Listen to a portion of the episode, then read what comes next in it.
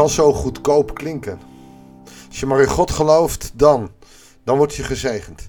Het klinkt tegen de prosperity theologie, oftewel de voorspoedstheologie. Als je maar in God gelooft, nou, dan uh, word je rijk, dan word je nooit meer ziek. Nou, daar heb ik niks mee. Maar het is wel zo, hoe dichter je bij God loopt, hoe meer je ook onder zijn zegeningen bent. En dat klopt wel. En dat gaan we vandaag ook zien in het gedeelte van Jeremia 40. We gaan lezen Jeremia 40, vers 1 tot en met 6. Doe je mee? Goeiedag, hartelijk welkom bij een nieuwe uitzending van het Bijbels Dagboek. De Heer richtte zich tot Jeremia nadat Nebuzaradan, de commandant van de lijfwacht, hem in Rama had vrijgelaten. Hij had Jeremia daar geboeid aangetroffen onder de banningen van Jeruzalem en Juda die naar Babel zouden worden gevoerd. De commandant van de lijfwacht nam Jeremia apart en zei tegen: De Heer uw God heeft Juda dit onheil aangekondigd. hey, nou ben ik nieuwsgierig. Hoe zou Nebuzaradan dit weten? Zou dat via Nebuchadnezzar? Zou dat... Ik weet het niet. Maar ik vind het wel nieuwsgierig, want hij kent de woorden van de Heer. En de Heer heeft gedaan wat hij gezegd heeft. Bam! Het is de vijand die het weet. Want jullie hebben tegen hem gezondigd en niet naar hem geluisterd. Daarom is dit alles jullie overkomen. Maar uw boeien maak ik los. Als u wilt, kunt u met me meegaan naar Babel. Ik zal u in bescherming nemen. Maar als u niet met me mee wilt, doe het dan niet. Het hele land ligt voor u open. Wat een keuze. Ga je mee naar Babel waar mensen zitten die je kunt bemoedigen? Of ga je hier blijven? Het overblijfsel, het halstarrige, koppige volk. Moeilijke keuze. Toen Jeremia nog steeds niet wegging, je ziet hem dus twijfelen, zei Nebuzaradan, ga terug naar Gedalia, de zoon van Achikam, de zoon van Safan die door onze koning als gouverneur over de steden van Juda is aangesteld. Ga bij hem te midden van uw volksgenoten wonen of waar u maar wilt. Wacht even hoor. Dit is weer de wereld op zijn kop. Het is de commandant van de vijand die Jeremia hier raad geeft. Jeremia die veel woorden van God hoort, maar nu raad krijgt van een commandant van de lijfwacht van Nebukadnezar. Nebuzaradan. Deze Nebuzaradan die zegt zulke wijze woorden. En hij geeft ook gewoon de vrije keuze. Zeg wat je wil. Het komt goed. In Babel zal ik je beschermen. En hier kun je gaan waar je wilt. De commandant van de lijfwacht gaf Jeremia voedsel en geschenken en liet hem gaan. Het is zelfs nog sterker dus. Hij geeft hem nog wat mee. En eigenlijk geeft hij hier advies: blijf maar hier. Jeremia ging naar Gedalia, de zoon van Agikam, in Mispa. En ging bij hem wonen, te midden van zijn volksgenoten die nog in het land waren overgebleven. Jeremia blijft bij het restje volk in Juda. Niks verre reis, niks gevangenschap. Hij is geboeid, hij is al een paar keer gevangen gezeten. En nu zat hij ook tussen de gevangenen die naar Babel moesten.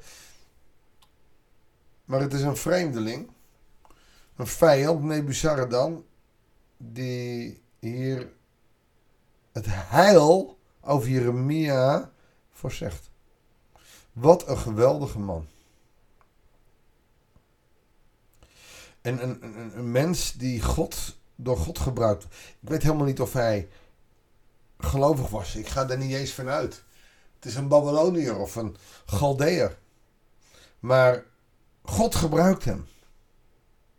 En voor mij is dat een les dat ook niet-gelovigen door God gebruikt kunnen worden. En, en in de wereld om me heen zie ik soms dat humanisten beter werk doen dan een heleboel christenen. Betere moraal hebben dan heel veel christenen.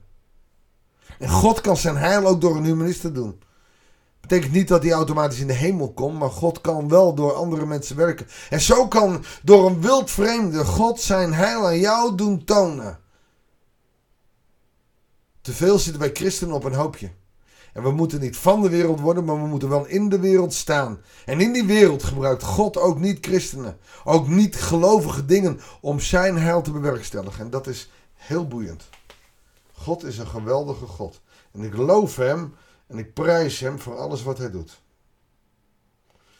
Het is prachtig om dit stukje te lezen. Hoe een Nebuzaradan Jeremia adviseert. Hij geeft de meeste vrije keuze. Maar als hij twijfelt, zegt hij: je blijf maar hier, joh. Is veel beter voor jou.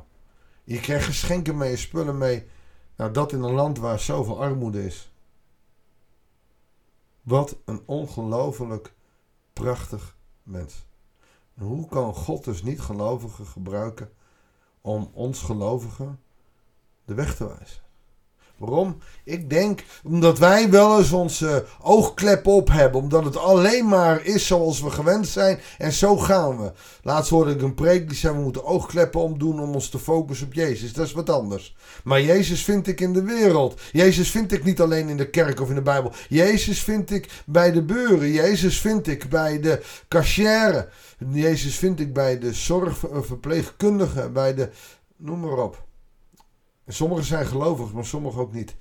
En Jezus laat zijn liefde tonen. Dwars door iedereen. En hier gebruikt hij de Babyloniërs. Om Jeremia te redden. Goeiedag zeg. Laten we God maar gewoon bidden om inzicht. Wie ons wil helpen en wie en door wie God dat allemaal doet. Lieve Vader in de hemel, dank u wel dat we uw woord mogen lezen. Het spiegelt wel, Heere God, dat het woord niet alleen voor ons is, maar dat u woorden of daden kunt doen door mensen die niet geloven zijn of mensen die heel anders zijn dan ons.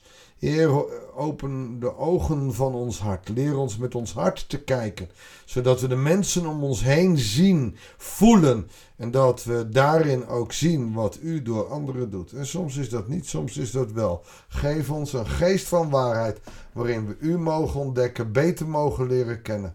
Heer, dat danken wij en bidden wij u. In Jezus' naam. Amen. Dankjewel voor het luisteren. Ik wens je God zegen. En heel graag tot de volgende uitzending van het Bijbels Dagboek.